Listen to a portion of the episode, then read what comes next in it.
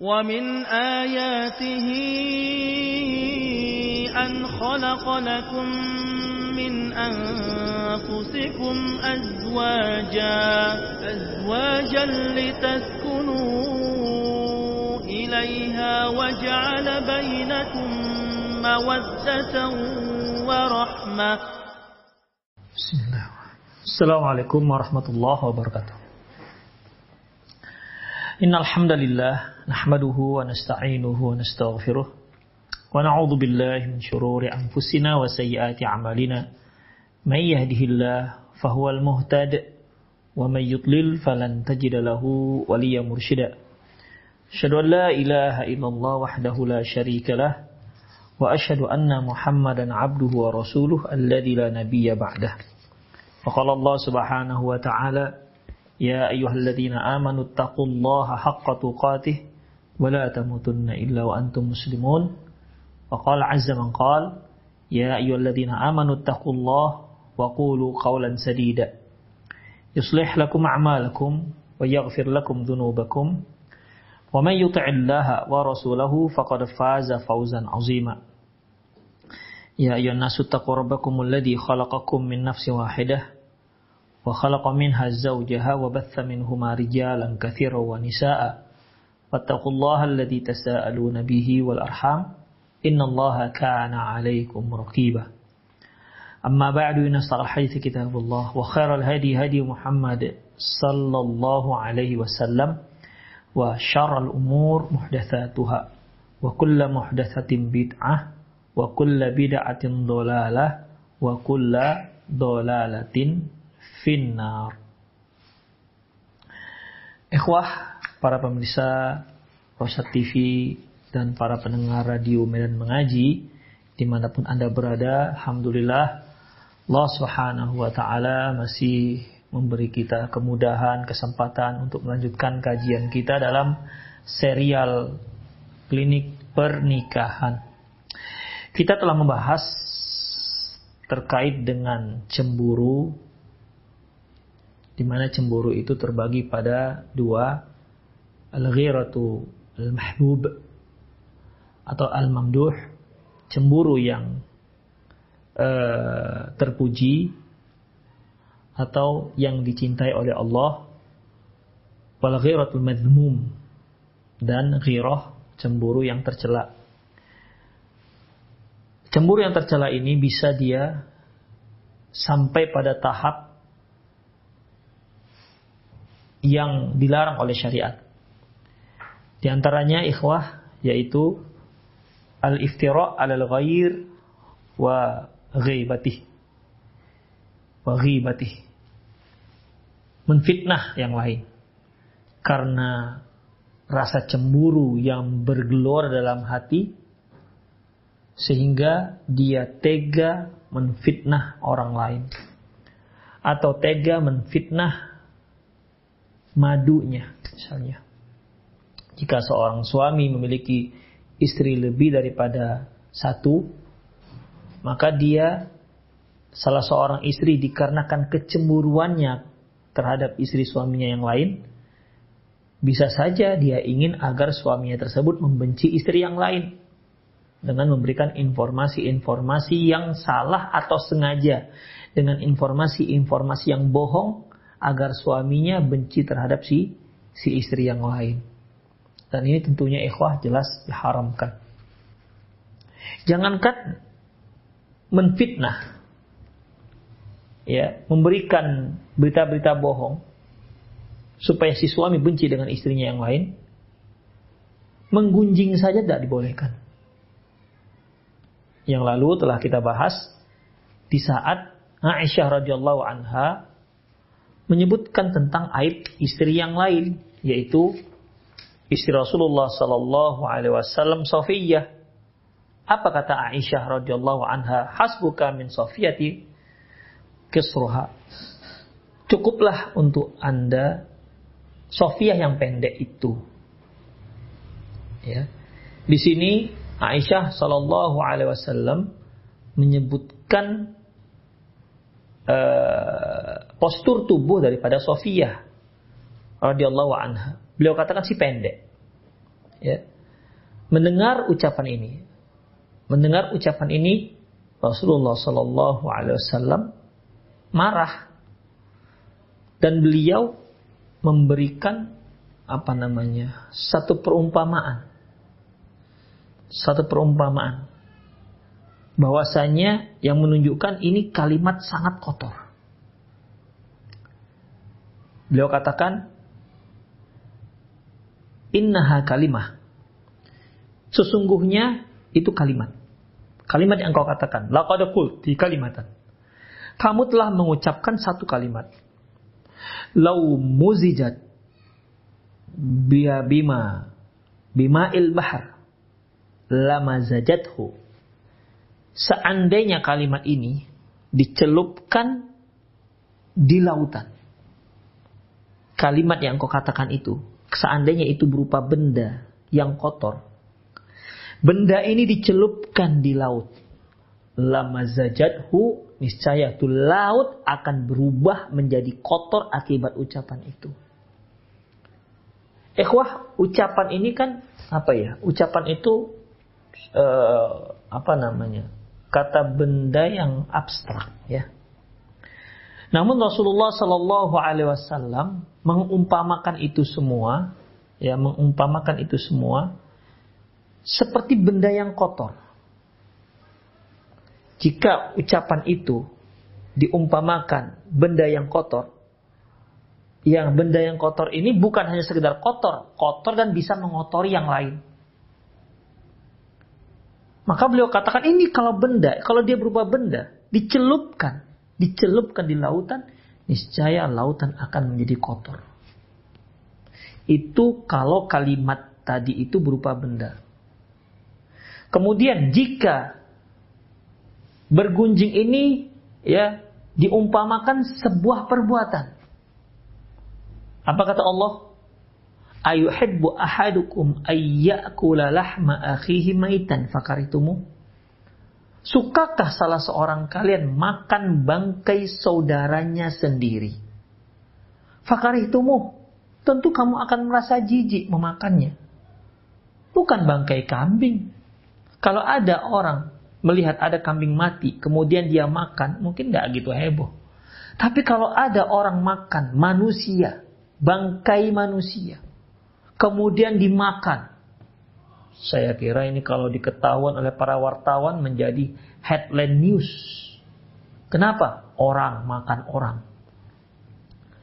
Lebih parah lagi kalau seandainya yang dimakan itu adalah bangkai temennya. Temennya mati, kemudian daging temennya dimakan dengan dia. Lebih parah lagi. Itu bisa mendunia. Begitulah Rasulullah, uh, begitulah Allah mengibaratkan perbuatan yang sangat menjijikkan itu. Jadi kalimat, uh, jadi perbuatan bergunjing seperti itulah sangat menjijikkan. Demikian juga kalimatnya, kalimatnya juga juga kalimat yang menjijikkan. Demikian. Padahal Aisyah hanya menyebutkan postur badan. Bagaimana kalau kita sampai menyebutkan aib yang luar biasa, ikhwah? Ya. Oh, tapi kan benar. Iya, memang benar. Kalau seandainya memang benar apa yang kamu katakan, kamu telah menggibahinya. Ketika Rasulullah Shallallahu Alaihi Wasallam ditanya tentang masalah ghibah, Rasulullah katakan, "Dikruka akhaka bima yakrah." Engkau menyebutkan tentang tentang saudaramu sesuatu yang dia tak suka. Apa pun itu. Masalah tubuh, masalah postur tubuh, masalah warna kulit, masalah cara bicara, Ya kalau dia celat misalnya, masalah cara bicara, masalah apa lagi? Tingkah laku, gerak-gerik, cara berpakaian, pekerjaan, apalagi kebiasaan. Jika itu sebuah aib, maka jika kita bicarakan orang tersebut tidak ada di, di, di, di dekat kita, maka itu namanya ghibah. Itu bergunjing. Ya Rasulullah, wa kaifa idza kana fihi ma? Sahabat tadi mengatakan, "Ya Rasulullah, jika memang benar apa yang aku katakan gimana?" Rasulullah mengatakan, "Lau kana fihi ma taqul." Apabila memang benar apa yang kamu katakan, laqad tabta, kamu sudah menggunjinginya. Wa idza laisa wa idza kana laisa fihi ma taqul. Namun jika memang ternyata di dalam Tidak seperti yang kamu katakan, waqat faqat bahatta, kamu telah menfitnahnya. Itu ikhafidin. Jadi enggak dibolehkan. Baik. Itu yang pertama. Yang kedua, yaitu su'aluhu talak darratiha. Talaq darratiha. Yang kedua, rasa cemburu ini bisa uh, mendorong seorang wanita untuk mendesak suaminya supaya menceraikan istrinya yang lain. Ya, banyak ini ikhafiddin. Ya. Baik yang mereka sudah menikah, ya, yang sudah menikah, misalnya ini seorang seorang laki-laki menikah, kemudian dia menikah lagi. Istri pertamanya nggak rela suami nikah lagi. Abang, abang ceraikan dia. Abang pilih aku atau dia. Abang ceraikan dia, kalau abang masih dengan saya, ceraikan dia. Tapi kalau abang kau menceraikan dia, maka aku ceraikan. Ah begitu. Ceraikan aku katanya. Kalau bahasa-bahasa sekarang itu, kalau abang jantan, ceraikan aku. Gitulah kira-kira. Seolah-olah kejantanan itu terkait dengan keberanian seorang laki-laki menceraikan atau nggak menceraikan. Jadi jangan sampai salah kaprah dalam dalam memberikan apa namanya uh, memahami satu kalimat. Jangan dikira barang siapa yang berani menceraikan istrinya maka dia jantan. Nah, itu nggak ada kaitan. Menceraikan istri nggak ada kaitan dengan jantan dan tidak jantan. Ikhwah rahimani Allah wa iyyakum. Jadi dalam masalah ini, ya dalam masalah ini, kalau ada seorang laki-laki punya dua istri, di antara istrinya meminta, mendesak sang suami, mengancam sang suami supaya dia menceraikan istri yang lain, ya mana maka ini hukumnya diharamkan. Atau ya seorang laki-laki yang sudah ber, beristri, lantas dia mau mau menikah dengan wanita lain. Kata si wanita lain ini yang menjadi akan menca, akan menjadi calon istrinya, dia katakan, ah, saya terima pinangan abang, syaratnya abang ceraikan dulu istri abang. Ini juga nggak dibolehkan. Ini permintaan yang diharamkan. Demikian ikhwah. Ya, perceraian, bercerai itu memang masalah syar'i dan dibolehkan. Tapi ingat, harus ada alasan syar'i. Ya, harus ada alasan syar'i. Berdosa seorang laki-laki kalau menceraikan istrinya gara-gara karena dia nggak pandai masak ya berdosa. Masalah nggak pandai masak diajari dia agar bisa masak. Demikian ikhwah. Baik, soaluhu tolak rotiha. Yaitu permintaan si istri agar si suami menceraikan istrinya yang lain. Wahada aidun far'um minad Ini juga termasuk salah satu jenis kezoliman atau tindak aniaya Waqat rada bi khususihi tarhibu ala lisanin Nabi sallallahu alaihi wasallam. Dan masalah ini secara khusus dilarang oleh Rasulullah SAW melalui lisan beliau. Waqat rawa al-Bukhari wa Muslim min hadithi Abi Hurairah radhiyallahu anhu. Imam Bukhari dan Imam Muslim meriwayatkan hadis larangan ini ya dari Abu Hurairah radhiyallahu anhu anin Nabi sallallahu alaihi wasallam. Dari Nabi sallallahu alaihi wasallam. Qal annahu qal. Beliau bersabda la yahillu limra'atin an tas'ala talaqa ukhtiha litastafrigha sahfatiha litastafrigha sahfataha wa litangkih fa inna malaha ma qaddara Rasulullah katakan tak halal seorang wanita meminta seorang laki-laki meminta seorang laki-laki agar mencerai istrinya. Ditafrigha sohfataha agar uh, jatah si istri yang itu semuanya diberi menjadi miliknya. Kalau bahasanya listas tafriqo ini kalau ada ya kalau seorang punya dua istri Tentu kan masing-masing punya jatah tuh, ya. Begitu. Seperti gini loh. Kalau kita punya anak, tentu kan masing-masing mereka punya jatah makan. Jadi si anak yang satu mengatakan, Pak, udahlah usir aja dia dari rumah. Tujuannya apa? Agar bahagian si anak yang diusir itu menjadi bahagian si bahagian si dia. Jadi lebih banyak bahagian dia, gitulah kira-kira. Kalau itu masalah anak. Ah, kalau dia seorang suami punya dua istri, si istri salah seorang istri mengatakan ceraikan aja lah itu. Tujuannya agar jatah si istri yang yang dia ingin diceraikan agar diceraikan suaminya itu semua apa namanya menjadi milik dia. Nah, gitu. Jadi seolah-olah kalau dia berupa sohfatah itu piring agar uh, jatah piring si istri semuanya dituangkan kepada dia. Jadi piring ini jadi kosong. Jadi dia da jadi double jatahnya. Itulah kira-kira. Demikian ikhwah. Jadi la yahillu li imra'atin antas tala antas ala talaqa ukhtiha. Janganlah tak halal bagi seorang wanita meminta si suami, meminta seorang suami agar menceraikan saudarinya, artinya istrinya. Kalau saudarinya ini maksudnya saudara wanita yang menceraikan, yang minta agar si suami menceraikan istrinya. Litastafrigha sahfataha agar dia itu mendapatkan jatah yang penuh.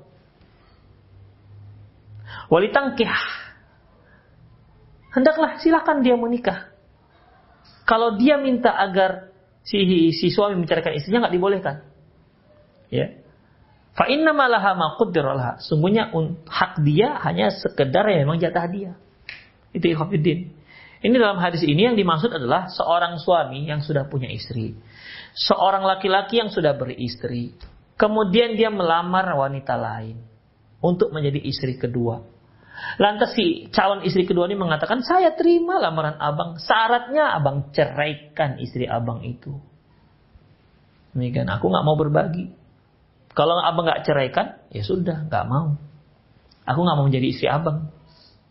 Demikian. Nah, yang seperti ini, ini yang seperti ini ikhwafiddin syarat yang diharamkan. La yahillu tidak halal. Kalau nggak halal artinya haram.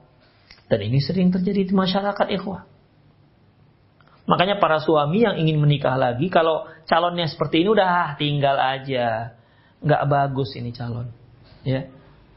Dari awal sudah kelihatan tamaknya. Bayangkan. Ya. Si suami bagus-bagus, dia dengan istri yang pertama nggak ada masalah. Hanya mungkin dia mau melaksanakan sunnah Rasulullah. Dia ingin, dia merasa sanggup. Dan istrinya juga sudah merelakan nggak ada masalah, tapi si calon mengatakan nggak bisa. Abang ceraikan dulu itu istri abang, maka haram permintaan tersebut. Ya, dia sudah melakukan tindakan yang haram. Si si suami tadi, si laki-laki tadi haram mengikuti permintaan dia. Kalau dia ikuti, maka si suami pun melakukan tindak kezoliman dan itu haram hukumnya. Al-zulmu zulumatun yaumal qiyamah. Rasulullah katakan, ittaqud zulm. Hati-hati kalian dengan perbuatan zalim. Jangan sekali-sekali kalian berbuat zalim. Fa inna in fa inna dzulma fa inna sungguhnya kezaliman dzulumatun yaumil qiyamah. Kegelapan nanti di hari kiamat. Kita sudah artikan di kajian lalu apa arti kegelapan di sini. Ada dua artinya. Demikian ikhwah. Ya, jadi ya ini diharamkan. Kata beliau, Walia, wali tangkih, ya silakan dia nikah saja kalau dia mau ya silakan dia nikah, nggak usah pakai syarat-syarat harus menjeraikan istri yang pertama. Wali tangkih, fa inna malaha makudralaha. Sungguhnya yang untuk dia jatah dia ya jatah dia, tanpa mengurangi jatah jatah istrinya. Demikian. Dalam hadis yang lain, ikhwah, itu ada penyebutan cara umum, yaitu uh, la yahillu antas almar atau tolak ukhtiha litaktafi'u ma fi sahfatiha. Tidak halal bagi seorang wanita meminta agar suaminya mentalak wanita yang lain. Artinya artinya yaitu mentalak istri yang lain supaya dia dapat jatah double. Fa inna Allah azza wa jalla razzaq Fa inna Allah azza wa jalla raziquha. Sungguhnya Allah Subhanahu wa taala yang memberi dia rezeki. Jadi wahai kaum wanita yang kamu berbagi kasih sayang dengan satu orang suami dengan wanita lain, kamu jangan khawatir. Ya, ini merupakan mana implisit dari Rasulullah SAW. Ya, seorang laki-laki yang punya istri dua. Ini para istri kata Rasulullah Ya, seolah Rasulullah katakan, kalian jangan khawatir mengenai jatah kalian. Innallaha raziqha. Sungguhnya Allah yang memberi dia, dia rezeki. Jangan dikira kalau seandainya si suami menceraikan istri yang lain lantas dia akan menjadi dapat jatah lebih banyak itu belum tentu, ikhwah. Ya. Dan yang memberi rezeki istri yang lain itu dari Allah Subhanahu wa taala, bukan si si suami. Suami itu hanya perantara saja. Ya. Suami itu hanya perantara saja. Demikian. Pernikahan itu bisa membawa rezeki. Demikian ikhwah. Rahimani Allahu wa iyyakum. Jadi kalau hadis yang terakhir ini itu memberikan gambaran yaitu seorang laki-laki yang punya istri lebih daripada satu. Kemudian salah seorang istri meminta agar suaminya menceraikan istri yang lain. Ah itu kalau yang ini. Kalau yang hadis yang dibaca kita baca tadi yaitu suami yang sudah punya istri, dia mau menikah lagi, syarat si perempuan yang menjadi calonnya yaitu bisa menerima kalau si laki-laki yang sudah punya istri itu menceraikan istrinya. Nah, ini. Dua-dua tidak dibolehkan, dua-dua tidak halal, dua-dua hukumnya haram. Dan kalau itu dilakukan berarti itu kezoliman. Suami telah menzolimi istrinya, si calon juga telah memberikan persyaratan kezoliman, ikut andil dalam menzolimi si wanita yang dicerai oleh suaminya sendiri gara-gara permintaan dia dan mereka berdua akan menanggung akibatnya nanti di hari kiamat. Demikian ikhwah. Ya. Jadi itu makna uh, daripada tidak dibolehkannya cemburu apalagi sampai meminta suami, menuntut suami, menteror suami, menekan suami supaya menceraikan istrinya yang lain. Uh, mungkin para suami-suami yang pernah yang yang berpoligami, aktivis poligami, ak aktivis ta'addud zaujat, ya, mengalami hal ini. Jika Anda mengalami hal ini, jangan penuhi permintaan itu. Jika Anda penuhi permintaan itu, maka Anda telah bersikap zolim. Baik permintaan itu dari istri kedua agar mencarikan istri pertama, maupun permintaan dari istri pertama agar menceraikan istri yang kedua, yang ketiga dan seterusnya. Sama posisinya. Ya. Tidak harus istri kedua yang minta agar si suami menceraikan istri pertama. Siapa saja, mau yang pertama, yang kedua, ketiga, keempat. Kalau permintaannya seperti itu kepada suaminya, agar menceraikan salah seorang dari istri-istrinya, maka itu zolim. Ini permintaan saja sudah halal, sudah haram hukumnya. Tidak halal. Apalagi kalau dipenuhi itu suami, suami yang zalim. Ya. Az-zulmu zulumat yaumal qiyamah. Kezaliman itu akan membuat kegelapan di hari kiamat nanti. Demikian ikhwah. Rahimani Allah wa iyyakum. Falaha ma qaddara laha minan nafaqati wal mabit wal mahabbah wa husnul ashrah. Maka untuknya ya nah bahagian dia sebagaimana bahagian yang telah mereka tetapkan. Apakah nafkah berapa yang sudah suami tetapkan untuknya? Ya itulah dia untuk dia. Ya. Jangan lirik-lirik lagi jatah istri yang lain. Suami telah memberikan jatahnya, jatah nafkah, jatah hari misalnya. Kalau kalau si apa namanya istri kedua misalnya nih yang berpoligami kan biasa tuh mereka membagi jatah hari ya Apakah sehari sehari, apakah dua hari dua hari, apakah tiga hari tiga hari. Intinya harus sama. Kalau yang istri pertama dua hari, istri kedua dua hari, istri ketiga tiga hari, istri keempat dua hari. Begitu. Tidak bisa istri pertama satu hari, istri kedua dua hari, istri ketiga tiga hari, istri keempat empat hari. Yang nggak dibolehkan. Itu zalim namanya. Nggak adil. Jadi harus sama jatah harinya. Harus sama jatah harinya. Kalau sudah satu hari satu hari, ya silahkan. Ya. Jangan sampai salah seorang istri mengatakan, bang, yang itu ceraikan aja bang. Mungkin difitnah lah katakan begini kalau macam. Sehingga suami memberikan jatah harinya kepada istri yang menfitnah itu. Maka nggak dibolehkan ikhwah. Ya. Terserah mau jadwalnya jam berapa. Terkadang para suami ini ya ada yang mengatur jadwalnya itu. Kalau siang itu nggak dihitung. Nah, kalau siang nggak dihitung karena siang waktu kerja. Jadi hitungannya malam. Ya, pulang kerja ke mana ini? Misalnya hari hari Senin di istri pertama misalnya. Hitungannya bukan dari pagi, hitungannya dari dari malam, dari sore, maghrib. Nah, itu hitungannya. Siang dianggap tidak ada hitung karena suaminya tidak berada di salah satu dari rumah istrinya. Oh gimana kalau libur? Nah, kalau libur ini menurut yang sudah pengalaman, kalau libur baru itu hari bersama, hari bareng. Itu itu yang pernah saya wawancara dari aktivis ta'addud zaujat. Itu dia gimana enaknya saja ya. Tergantung kesepakatan. Demikian ikhwatiddin. Itulah jatah dia. Maka hanya itu yang boleh dia dapat.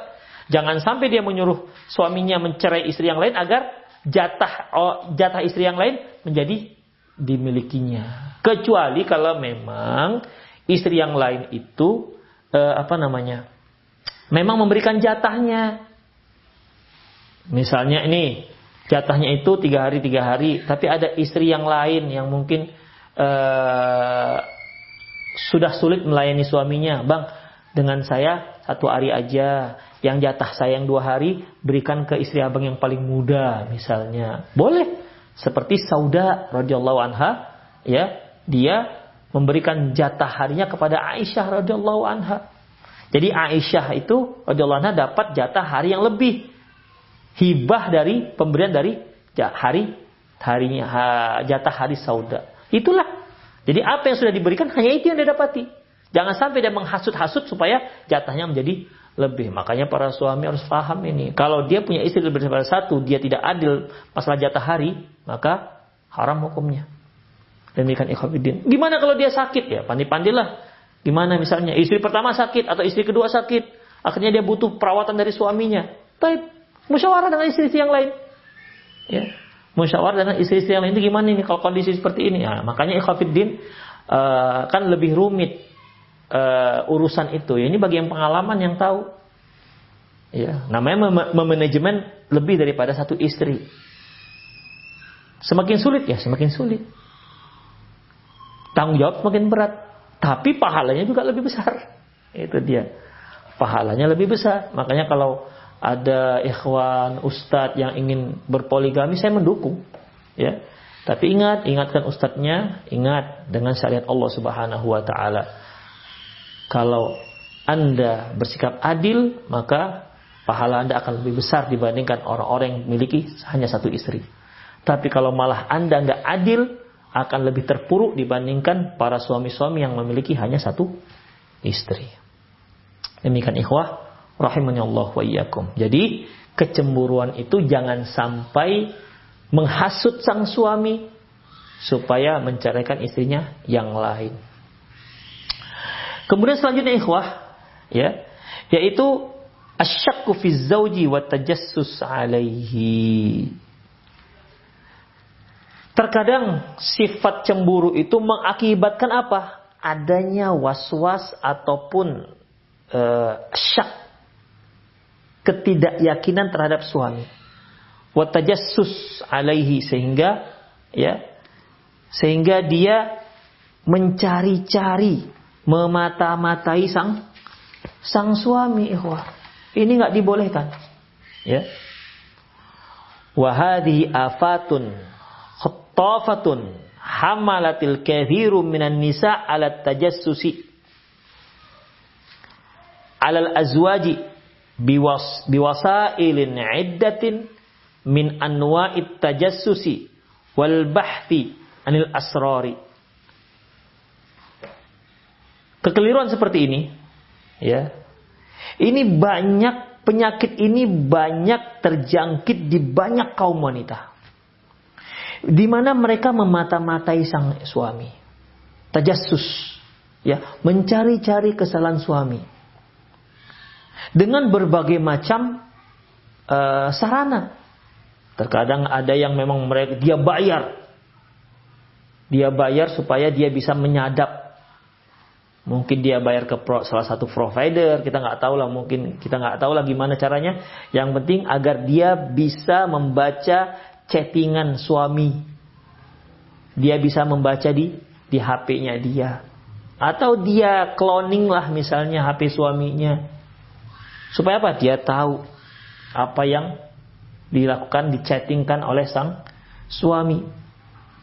Wal bahsu asrar dan mencari-cari apa nih rahasia sang suami.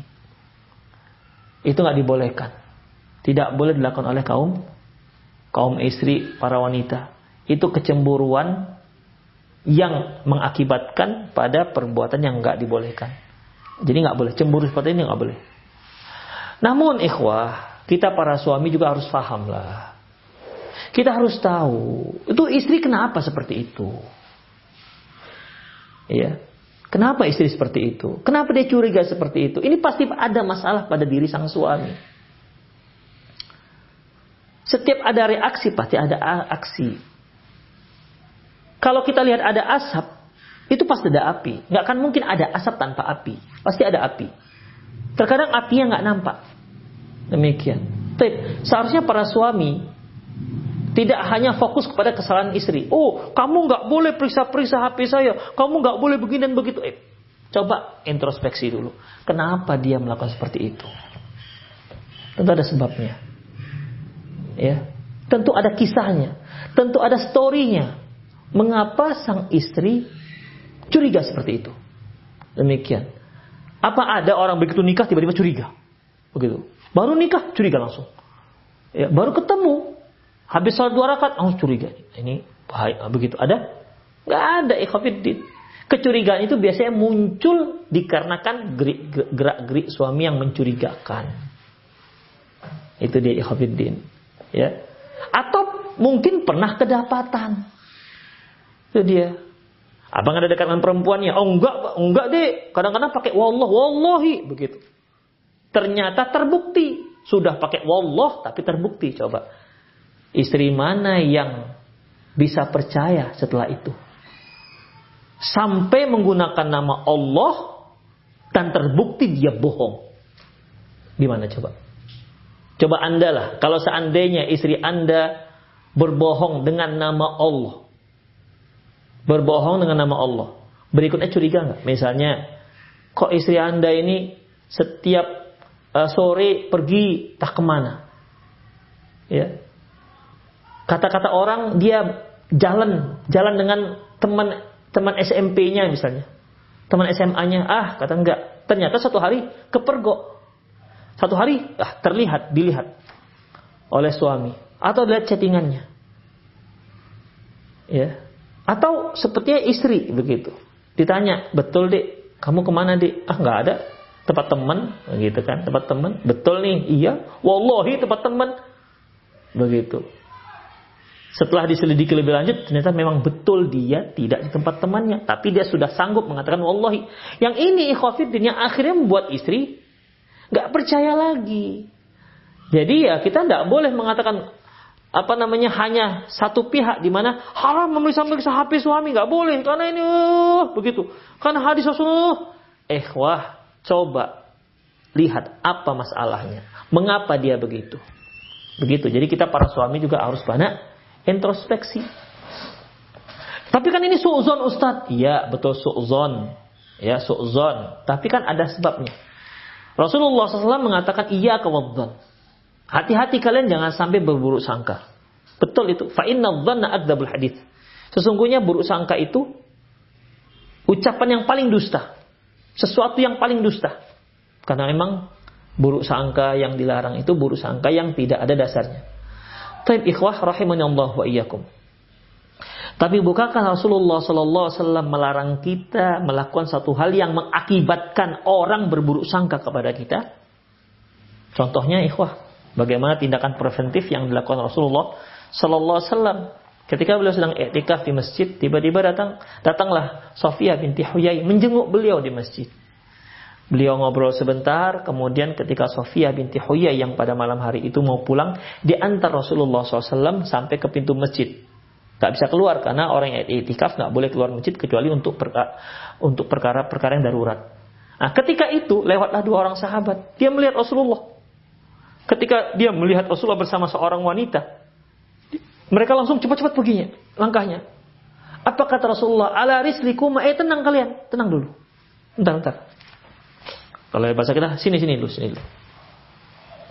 Apa kata beliau? Ini ini orang belum belum men, belum menceritakan apa yang sedang terbersit dalam hati mereka berdua. Belum menceritakan. Rasulullah hanya katakan ala rislikum, tenang kalian dulu. Ya, jangan jangan pergi dulu, tunggu dulu. Rasulullah langsung katakan, Innaha Sofia. Dia ini Sofia. Apa kata dua orang ini? Subhanallah. Lantas apa kata Rasulullah SAW? Inna syaitan yajri majrodam. Setan itu mengalir dengan aliran darah. Setan mengalir dengan aliran darah. Jadi setan itu akan mengalir dengan aliran darah kita. Demikian. Jadi Rasulullah Wasallam ingin mengantisipasi jangan sampai mereka dua berburuk sangka. Rasulullah katakan ini Sofia. Sebenarnya kalau mereka berburuk sangka kan mereka yang berdosa. Kalau kita katakan peduli amat mau mereka buruk sangka mau nggak buruk sangka urusan mereka misalnya begitu. Tapi kan seharusnya seorang muslim janganlah mereka membiarkan muslim yang lain terpuruk dalam sebuah dosa. Kalau dia bisa mencegah mereka berbuat dosa, kenapa tidak? Rasulullah SAW sayang dengan umatnya. Ya, agar mereka tidak jatuh kepada buruk sangka, Rasulullah katakan ini Sofiyah. Makanya ikhwafiddin tidak boleh kita berburuk sangka. Namun kita pun tak boleh membuat orang berburuk sangka gara-gara tingkah kita. Itulah ikhwafiddin. Ya, jadi demikian. Jadi banyak ya para istri yang memang ya ini saya kira uh, masalah ini sering diajukan ke saya, Ustadz, suami saya begini, saya sudah langsung lihat apinya begitu.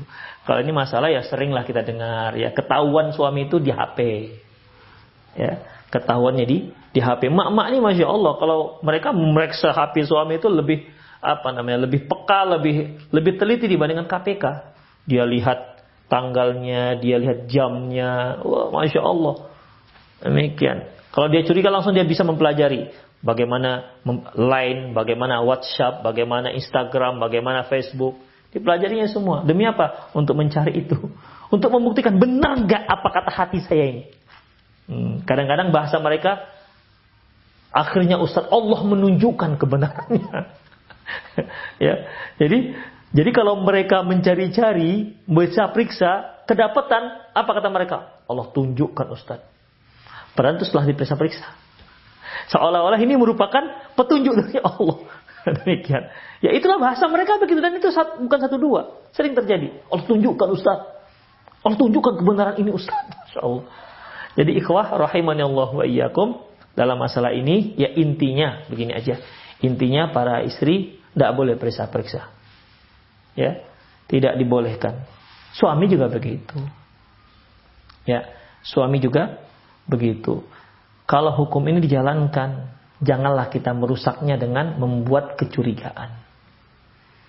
Sama sepertinya kita nggak boleh juga periksa-periksa periksa-periksa HP anak kita. Sebenarnya begitu. Ya, karena itu privasi dia. Namun ikhwafiddin, pada dasarnya lihat HP, HP si fulan, HP ini sebenarnya kan nggak ada masalah. HP namanya. Kalau nggak ada masalah dalam HP kan kenapa rupanya dilihat. Tapi terkadang mengapa para ulama tidak membolehkan? Terkadang ada tulisan-tulisan itu kita nggak tahu ceritanya apa. Tiba-tiba di situ membuat kita curiga. Karena kita nggak tahu latar belakang kalimat itu apa kita nggak tahu. Sehingga muncullah yang namanya su'dhon. Demikian ikhwah. Ya. Jadi waqad qala Nabi sallallahu alaihi wasallam Sesungguhnya Nabi sallallahu alaihi wasallam pernah bersabda, "Iyyakum wad-dhann, fa inna dhanna akdzabul hadis." Hati-hati kalian dengan zon, sangka-sangka. Sesungguhnya sangka itu merupakan uh, sesuatu yang paling dusta. Namanya juga sangka.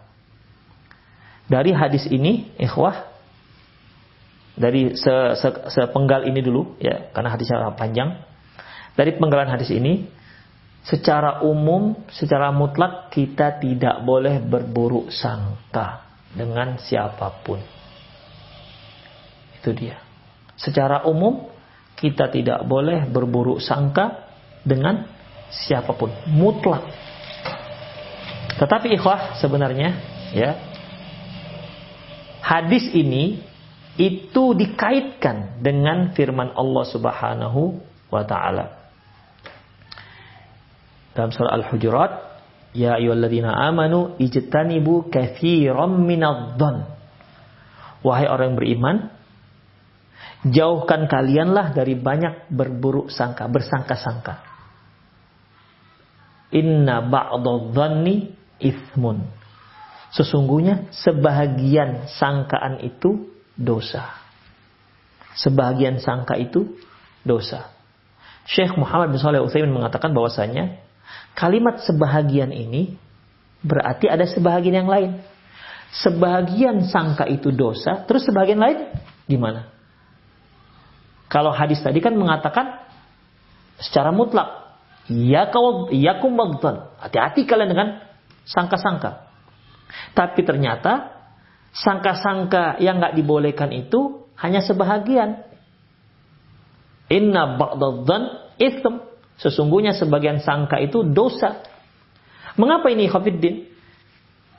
Dhan yang dosa ini adalah adzan alladhi la aslalah. Yaitu sangkaan yang nggak ada bukti sama sekali. Hanya prasangka-prasangka. Demikian. Dilihatnya suami berpulang, kok senyum-senyum. Kenapa nih abang senyum kali? Ada apa ini? Jangan-jangan, jangan-jangan, jangan-jangan. Wah begitu. Kecurigaan. Ini zon, dosa dia itu namanya. Ya. Abang kenapa senyum-senyum? Duh, masa orang senang nggak bisa? Ya, tentu ada sebabnya. Abang kawin lagi ya, gitu. Belum apa-apa sudah dicurigai seperti itu. Abang ada ini ya, begitu. Jadi dicurigai ikhwah, ya, di dicurigai. Ini kecemburuan yang nggak dibolehkan. Karena dasar kecemburuan itu zon, yaitu sangka, was-was. Tak ada dasar sama sekali. Ini yang dikatakan Rasulullah, iyakum madzan. Hati-hati kalian dengan yang namanya sangka.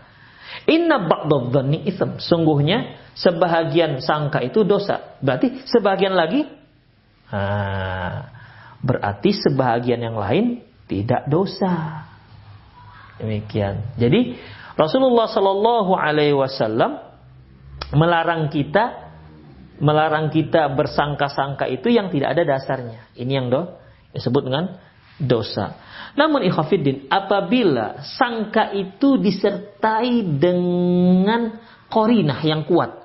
Korinah itu apa namanya? Eh, korinah ini bukti.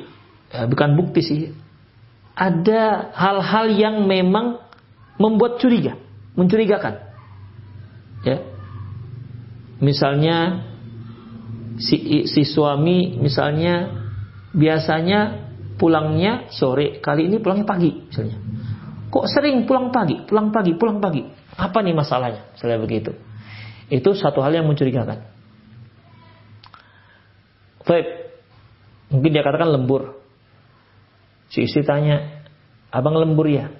Atau dia nggak tanya ya? Eh, mungkin ketika dia mau nelpon suaminya nggak diangkat, di telepon kawannya e, e, bang, e, suami saya lagi kerja di sana bang, lagi lembur ya? Enggak ada, udah pulang dari tadi. Berarti kan nih, dia mengatakan kepada istrinya lembur, kerja di kantor, ternyata berita dari kawannya tanpa diselidiki oleh si istri, hanya nggak sengaja, nggak sengaja dia telepon kawannya karena nggak diangkat telepon suaminya, nggak ada. Sudah dari tadi pergi dengan siapa pergi bang? Ada dengan rekan kerja sekretarisnya tadi. Katanya ada urusan di luar. Nah misalnya begitu. Berarti kan ah, ada masalah kok sampai mengapa sampai berbohong? Ah gitulah kira-kira. Demikian. Jadi Khafiddin rahimanallah wa iyyakum apabila sangka tersebut disertai dengan bukti yang kuat atau disertai korinah-korinahnya apa ya? Ah, apa cocoknya kita artikan? Tanda-tanda, sinyal-sinyal ah, itu. Ada sinyal-sinyal yang kuat mengarah ke sana, ya. Ada sinyal-sinyal yang kuat mengarah ke sana. Ya seperti saya katakan tadi. Ini kok suaminya pulangnya sekarang pulang pagi. Ketika kita tanya kenapa pulang pagi bang misalnya. Selalu si suami mengatakan, oh lembur, lembur. Jadi satu, dalam satu bulan tuh 15 hari lembur terus. Demikian. Ya istri tadi nggak curiga sih. Ya nggak curiga. Nah, Allah istri telepon nggak diangkat di lah teman dekat atau teman sekantor. Ternyata kata teman sekantornya suami mbak sudah pulang dari tadi. Loh e, katanya 15 hari dia lembur. Enggak mbak nggak ada lembur-lembur di sini udah pulang semua. Begitu. Ditanya ke suami lembur. Kemudian pulang dengan siapa dia mas? Oh e, suami mbak pulang dengan sekretarisnya misalnya itu kan namanya sinyal-sinyal yang mengarah tak baik Nah, yang seperti ini muganzon namanya. perlu ditanyakan. Perlu ditekuni. Demikian ikhwah rahimani Allahu wa iyyakum. Oke kalau dia uh, ternyata sudah menikah lagi, lainlah ceritanya. Kalau ternyata hanya selingkuhan-selingkuhan aja, perzinan-perzinan aja, ini kan bermasalah ikhwah. Nah, demikian ikhwah rahimani Allah wa iyyakum. Jadi, kalau Syekh Muhammad bin Shalih Al mengatakan intaqawwal qarina jiddan jiddan kanal insan ka'annal insan yushahidu. Ya apabila uh, korina sinyal-sinyalnya jelas kuat seolah-olah itu memang benar seperti itu mendekati kebenaran maka itu tidak dikatakan zon yang dosa. Demikian ikhwah rahimani Allahu wa iyyakum. Ya makanya ikhwafiddin azani Allah wa iyyakum para ulama mengatakan bahwasanya yuhramu su'dhan yuhramu su'dhan fi muslimin zahirihu zahiruhu adalah. Haram hukumnya kita berburuk sangka kepada seorang muslim yang zahirnya adil. Zahirnya dia baik. Dia rajin ke masjid senang baca Quran rajin ngaji. Kita nggak boleh berburuk sangka kepada dia. Tetapi kalau ada orang ke masjid nggak pernah sholat apalagi pakaiannya urakan, model-model funky, ya. Kemudian pulangnya selalu malam. Pakai anting-anting lahar tuh yang sebesar uh, jempol apa seperti lahar kereta sepeda motor itu misalnya. Modelnya model orang fasik. Eh, ayam kita hilang misalnya. Ini semenjak dia pindah di sini, ayam saya nggak pernah genap, nggak nggak pernah pas. Ada aja yang kurang misalnya. Dicurigai dia lewat begitu, lewat sering lewat-lewat. Apakah boleh kita berusaha dengan dia? Boleh. Kenapa? Modelnya memang orang fasik. Demikian. Apalagi semenjak kedatangan dia kok. Ada saja yang kehilangan. Kita kehilangan ayam, tetangga kehilangan jemuran, tetangga lagi kehilangan sendal. Begitu ikhwafiddin. Memang model orang fasik. Walaupun kita nggak boleh menuduh tanpa bukti, tapi mencurigai orang yang seperti ini boleh. Karena fasik dia. Demikian ikhwah rahimani Allah wa iyyakum, ya. Jadi demikian. Ikhwafiddin, azinallahu wa iyyakum, sepertinya hadisnya masih panjang ya di mana Rasulullah SAW mengatakan ولا تحسسوا ولا تجسسوا ولا تنافسوا ولا تحاسدوا ولا تبغضوا ولا تدابروا وكونوا عباد الله إخوانا كما أمركم.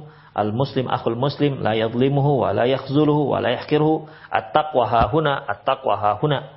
يسير إلى صدره. بحسب امرئ من الشر أن يحقر أخاه المسلم. كل المسلم على المسلم حرام. دمه دمه وعرضه وماله. إن الله لا ينظر إلى جسادكم ولا إلى صوركم Walakin yanzuru ila qulubikum wa amalikum. Insyaallah kita bahas selanjutnya di kajian yang mendatang. Demikian aku qauli hadza wastaghfirullah li wa lakum. Muslimin innahu huwal ghafurur rahim.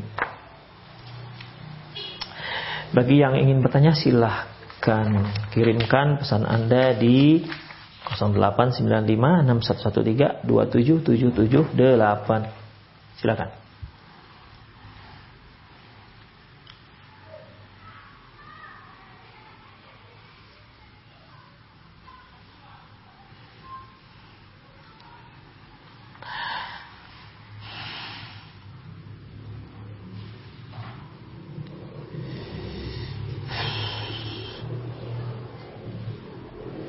Wah, saya udah hulukan yang pertanyaannya nggak nggak panjang sekali ya.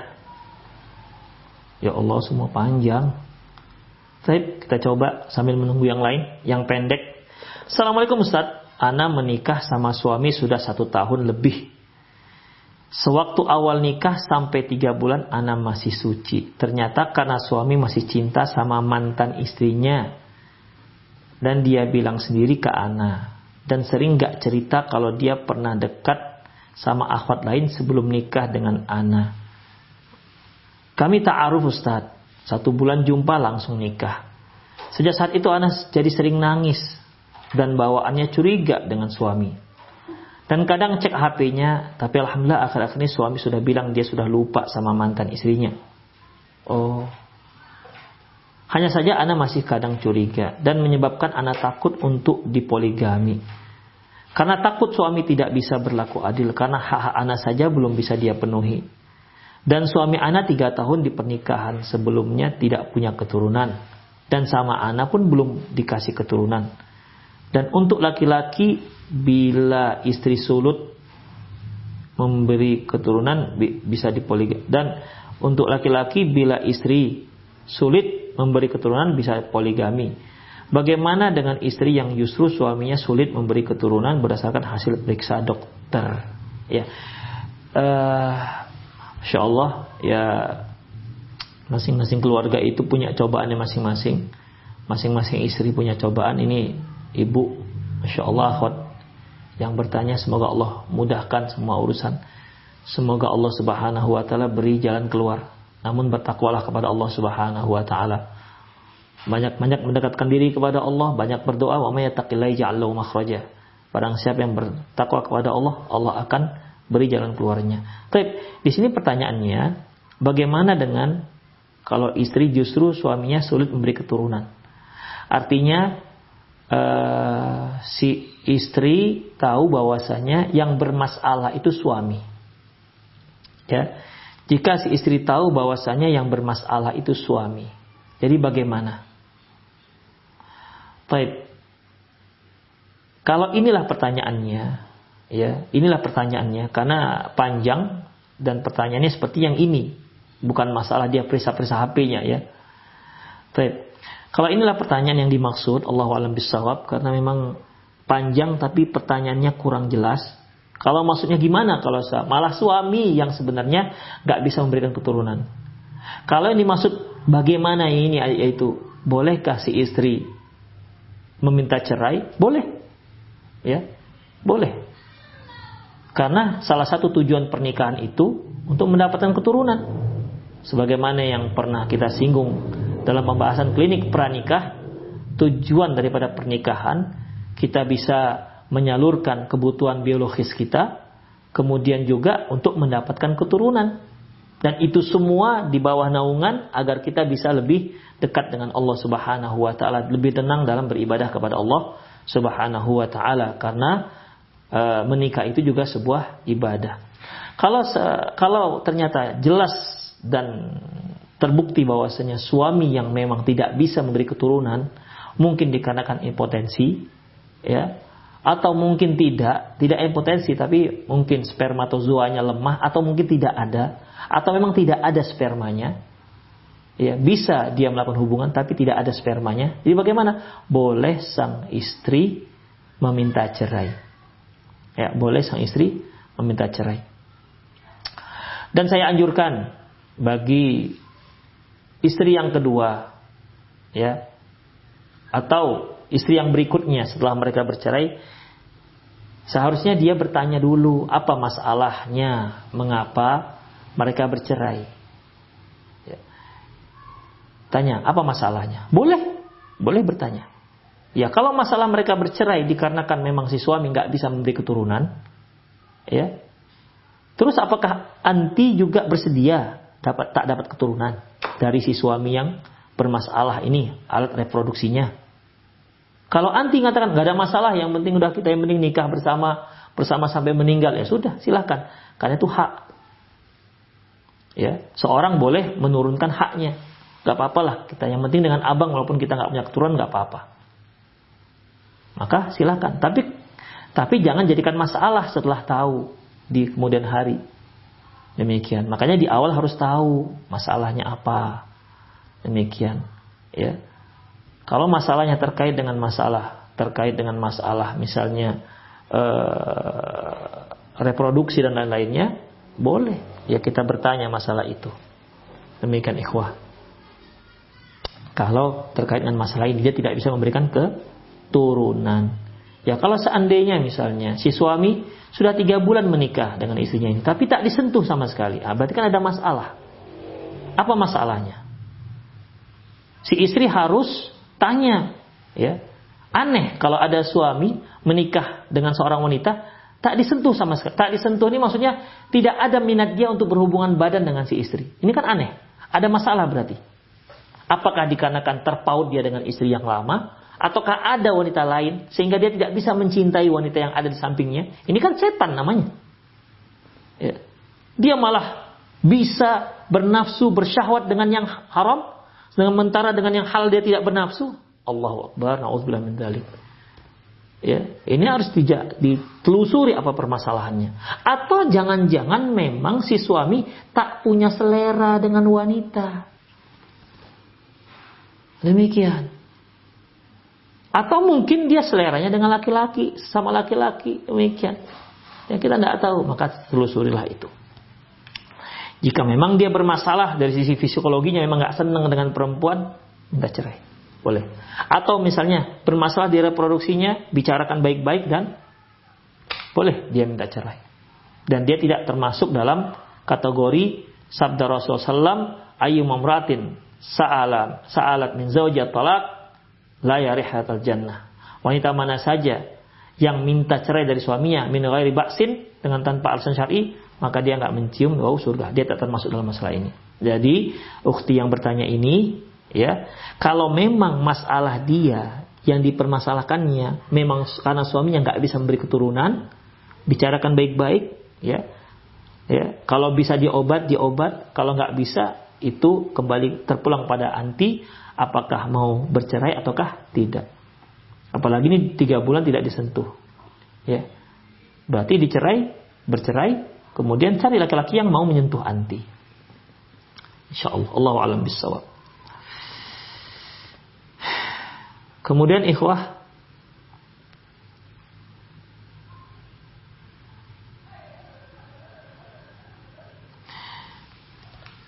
Bismillah Ustadz Ana adalah istri kedua. Namun istri pertama dan mertua Ana Ibu suami tidak membolehkan Ana meminta sesuatu seperti rumah dan lain-lainnya. Padahal suami Ana sangat mampu. Mohon solusinya. Bukan solusinya ya.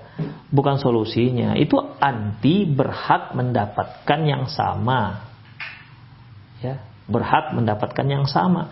Makanya ikhwah, ya. Kalau wanita-wanita ini mereka ada saja yang mau menjadi istri kedua. Apalagi dia seorang janda misalnya, ya. Ma mereka mau, ada yang mau. Saya kira bukan satu dua yang mau. Yang jadi masalah ini di si suami ini dia sudah siap atau belum begitu. Jangan sampai dia menikah dengan istri kedua, dia menzolimi istri kedua dengan memberikan hak yang tidak sama. Ini permasalahannya. Demikian. Dia tidak memberikan yang adil. Itu dia. Ya walaupun tidak harus memberikan rumah misalnya. Ya tentunya tempat tinggal dia berhak. Berhak memberikan Tempat tinggal dan tempat tinggal itu tidak harus dimiliki, bisa juga disewakan, dikontrakkan. Yang penting tuh kontrakan ditanggung oleh sang suami. Demikian. Ya. Jadi kalau seandainya istri kedua merasa tidak diberikan satu perka, tidak satu keadilan, maka dia boleh dibicarakan, boleh bicarakan dengan suami. Jangan-jangan tuh hanya perasaannya saja. Ya, perasaannya saja. Begitu nikah dia misalnya istri pertama sudah dibelikan rumah misalnya. Begitu nikah dia minta aku pokoknya seperti istri abang yang pertama misalnya. Ini nggak bijak juga namanya istri yang kedua. Demikian dia dia sebenarnya mau apa mau dinikahi oleh laki-laki tersebut. Mau supaya ingin dapat rumah yang sama. Tentu niatnya harus diperbaiki dahulu, ya niatnya harus diperbaiki dahulu. Makanya bicarakanlah bagus-bagus, bang uh, saya boleh nggak saya minta rumah misalnya? Seperti rumah kakak misalnya. Ya kalau suami mengatakan oh dik jangan dulu kamu kan baru. Sementara kontrakan aja. Ya selama kontrakan itu masih masih layak dan juga bukan juga kontrakan-kontrakan yang menengah ke bawah menengah ke atasnya misalnya sudah. Jadi jangan terlalu banyak menuntut Makanya istri juga yang istri kedua ketika dia mau menjadi madu untuk istri kedua, dia juga harus luruskan niat. Dia juga harus luruskan niat. Ya, untuk apa sebenarnya dia ingin mau di dijadikan istri kedua? Luruskan niat karena Allah Subhanahu wa taala. Demikian ya, luruskan niat karena Allah Subhanahu wa taala, bukan dikarenakan yang lain-lain. Demikian. Dan dia jangan protes dengan istri pertama kalau cemburu. Kenapa? Wajar istri pertama cemburu dengan istri yang kedua. Istri kedua kenapa nggak merasa cemburu? Karena dia yang membuat cemburu. Demikian. Jadi harus memaklumi, ya, harus memaklumi. Jadi kita nggak bisa juga kita katakan, oh no, keliru istri pertama. Kenapa? Karena cemburu. Ya karena dia nggak mengalami. Seandainya dia jadi istri pertama, kemudian suaminya nikah lagi, dia juga akan mengalami uh, kondisi yang insya Allah sama. Demikian. Jadi mohon dimaklumi. Nah, semuanya itu terpulang kepada sang suami sebagai kepala rumah tangga. Dia harus bisa memanajemen ini. Ya, dia harus bisa memanajemen ini semua. Jangan sampai dia menjadi kambing di antara dua singa. Lumat akhirnya. Dia harus pandai mengendalikan mereka berdua. Demikian ikhwafiddin. Ini yang sudah poligami lah yang lebih paham ya.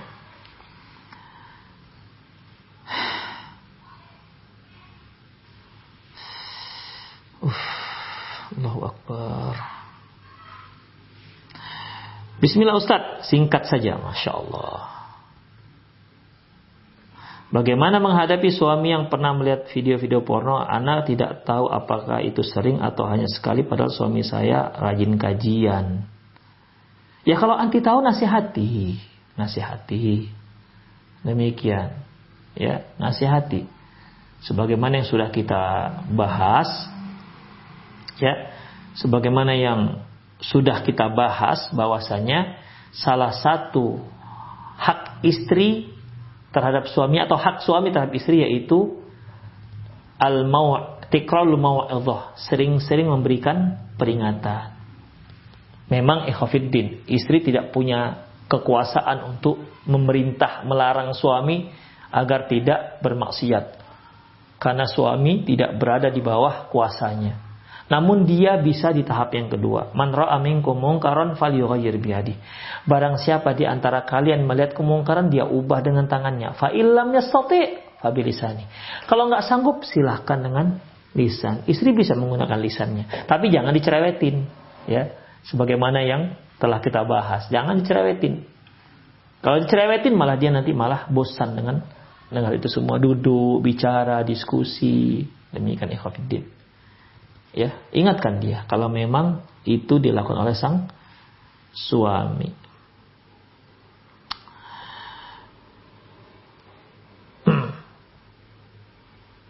Ustadz saya mau bertanya, katanya kalau seorang laki-laki kelak di surga mendapatkan jatah tujuh bidadari.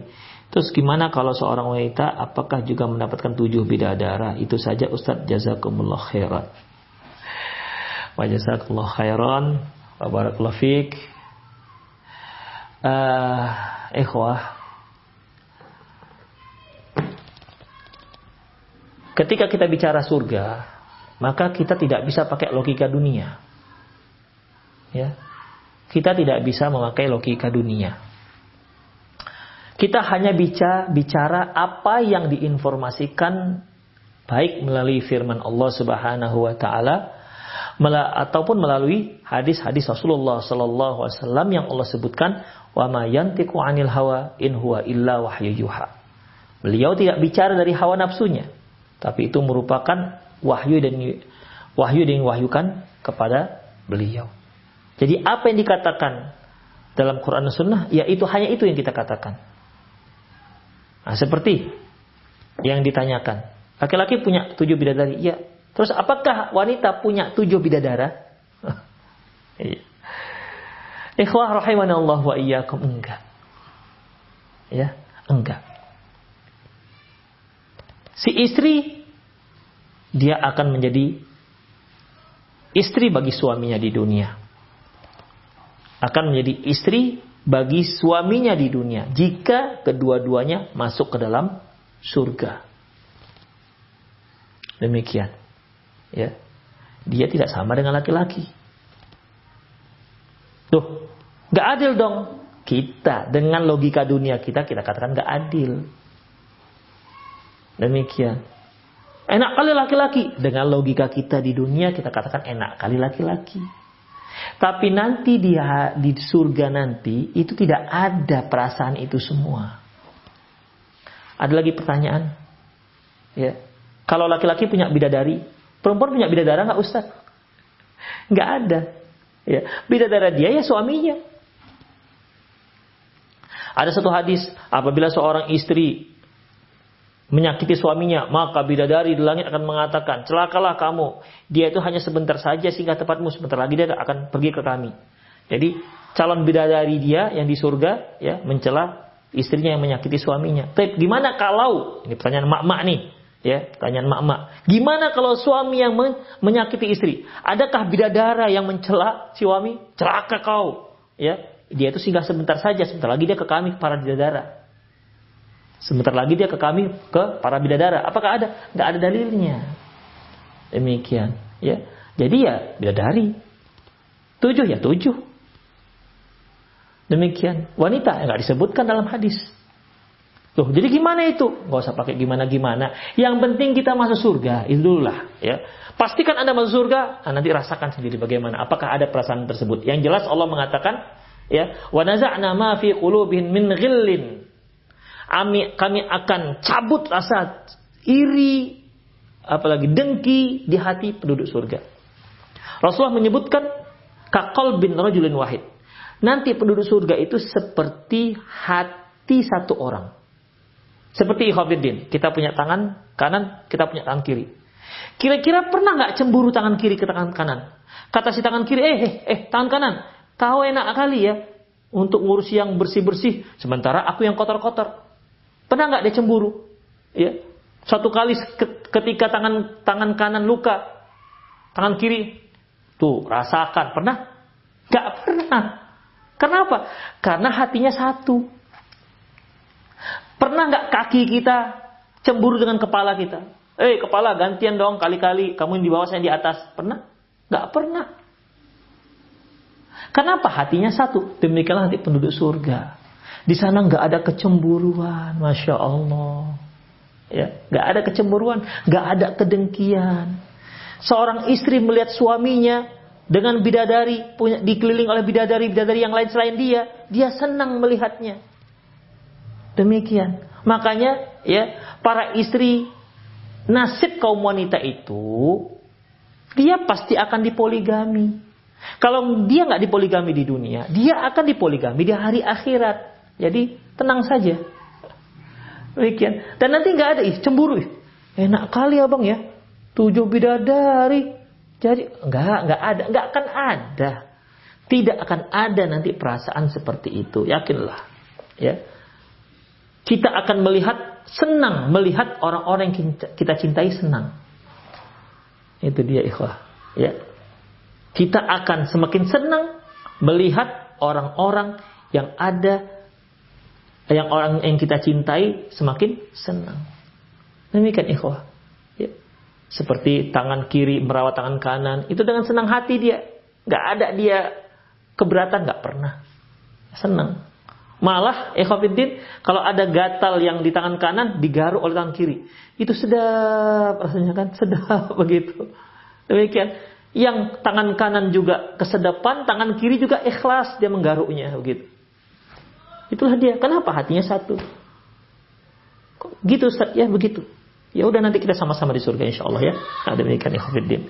Oke, semoga bermanfaat. Aku lu qauli wa astaghfirullah wa wa lisal muslimin innahu al-ghafur rahim. Subhanakallah wa bihamdik, asyhadu an la ilaha illa anta, astaghfiruka wa atubu ilaik. Wa sallallahu ala nabiyyina Muhammad wa ala alihi wa ashabihi ajma'in. Wa akhir da'wan alhamdulillah alamin. Assalamualaikum warahmatullahi wabarakatuh.